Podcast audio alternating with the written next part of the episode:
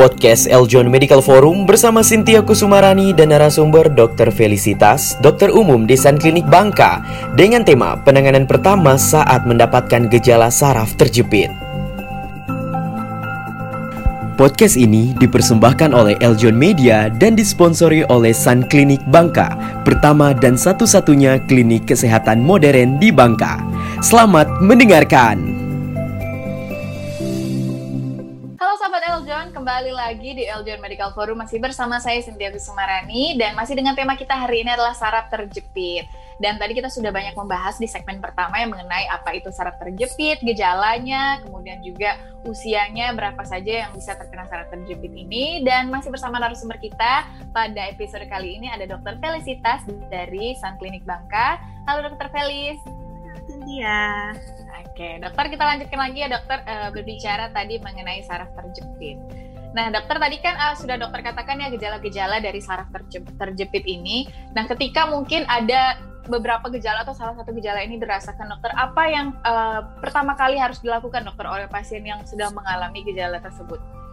Penanganan pertamanya mungkin. Oke, penanganan pertama ya, biasanya sih nanti awal-awal pasien itu datang ke kita nih. Keluarnya dok sakit nih kakinya baal uh, atau kesemutan atau nyeri. Hmm ya nyeri pinggang sampai ke bawah itu khasnya biasanya sih.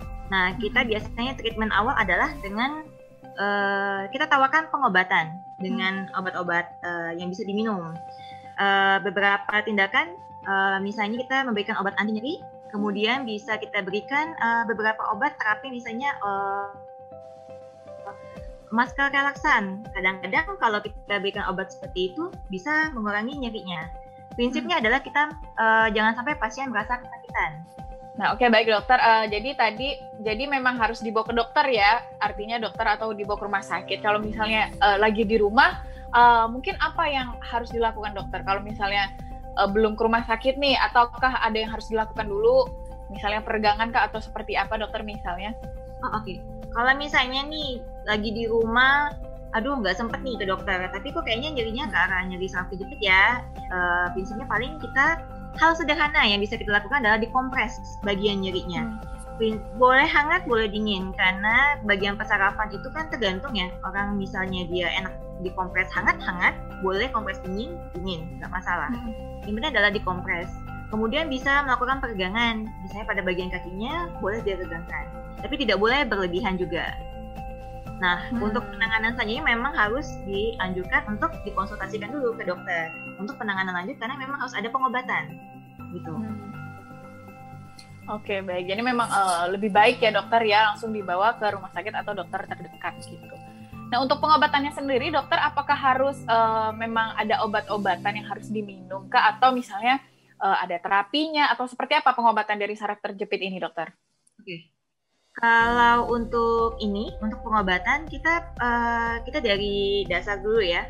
Biasanya pasien datang keluhan yang menunjukkan bahwa dia ke arah terjepit pertama adalah kita treatment dengan obat-obatan. Obat yang tadi saya bilang ya, obat penahan nyeri, seperti uh, obat-obat untuk masker relaksan. Nah, kalau misalnya treatment kita, kita lakukan selama kalau kurang lebih tiga bulan. Kalau selama tiga bulan tidak ada perubahan sama sekali, kita lanjutkan ke level berikutnya, yaitu kita fisioterapi.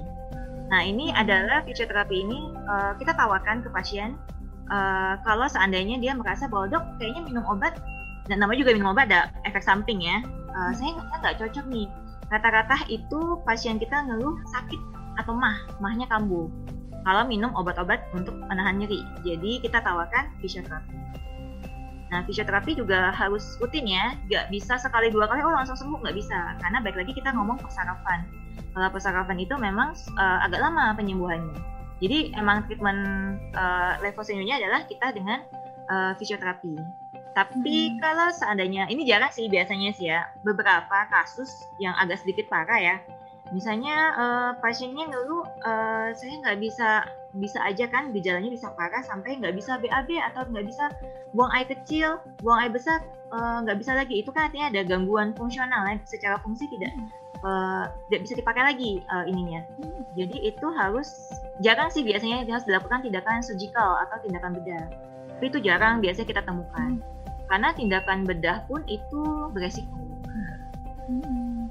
Oke, jadi uh, sampai ada kebedah tadi ya dokter ya untuk sakit ini misalnya mungkin itu sudah yang uh, levelnya yang paling parah ya dokter ya artinya harus ada dilakukan bedah. Oke baik. Apakah misalnya sampai di bedah dan lain-lain itu dokter bisa menimbulkan cedera permanen kah di bagian tulang belakang atau di bagian pinggangnya dan lain-lain atau seperti apa dokter? Uh, nah itu dia sih. Kalau misalnya uh, balik lagi ya, kalau prinsip kita bedah itu kan artinya kita uh, apa ya membuka istilahnya itu mengotak-atik bagian percakapan. Kalau bilang kita berarti kayak uh, kita ke komplikasi ya. Kalau sampai uh, kita lakukan tindakan bedah, gimana sih aman nggak atau gimana gitu? Apakah ada uh, kelanjutannya? Nah, uh, prinsipnya adalah kalau misalnya kita bedah itu memang uh, beresiko tinggi sebenarnya. Karena takutnya kalau kita otak atik takutnya saraf yang sehat malah kesenggol. Makanya memang uh, kalau di Indonesia masih jarang sih sebenarnya kita lakukan uh, tindakan pembedahan.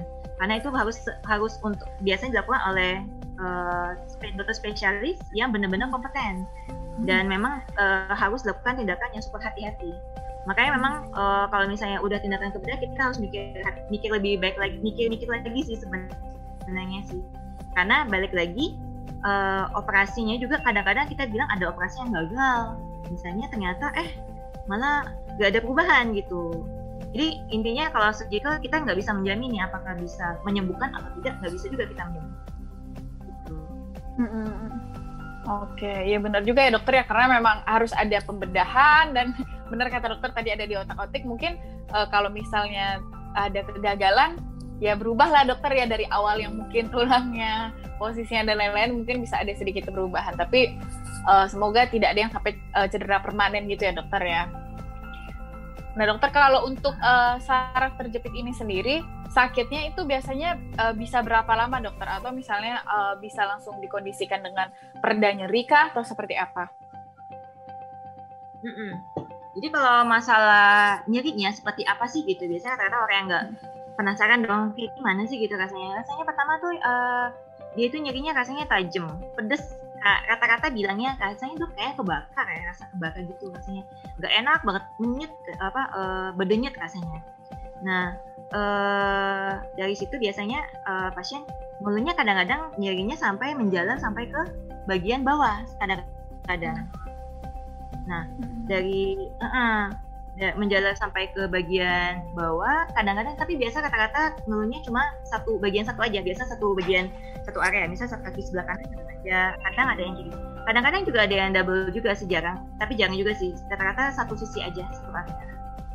Hmm, gitu. Okay. Nah, apakah ini sulit disembuhkan atau enggak tergantung ininya sih lagi, tergantung levelnya aja sih, level nyerinya sih.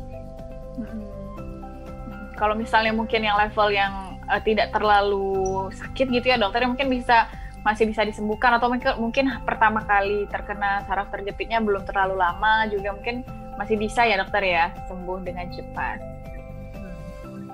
Oke okay, baik, oke okay, baik terima kasih dokter Felis. Uh, nanti kita lanjutkan lagi di segmen selanjutnya. Itu dia sahabat Eljon.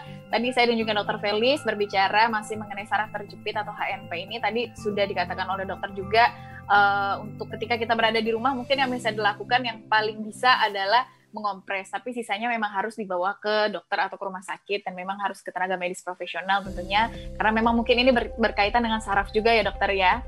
Dan pengobatannya hmm. tadi juga dokter Felis katakan melalui obat-obatan, bisa juga fisioterapi, tergantung dari level saraf terjepit sakitnya itu di level apa gitu. Bahkan mungkin bisa juga terjadi tadi uh, bedah saraf juga itu kalau misalnya mungkin udah level yang uh, sangat uh, sakit ya dokter ya. Jadi memang harus dilakukan bedah dan lain-lain. Nah itu dia tadi uh, pembicaraan kita mengenai saraf terjepit ini. Nanti saya dan juga dokter Felis akan kembali lagi di segmen selanjutnya. Untuk sahabat Eljon jangan ke mana-mana karena saya dan juga dokter Felis akan kembali lagi tetap di Eljon Medical Forum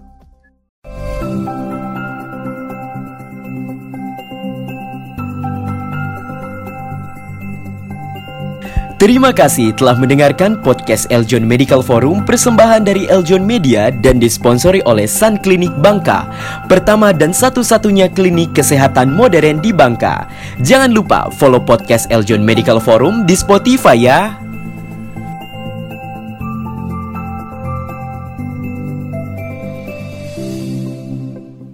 Sun Clinic adalah sebuah klinik yang memiliki fasilitas lengkap.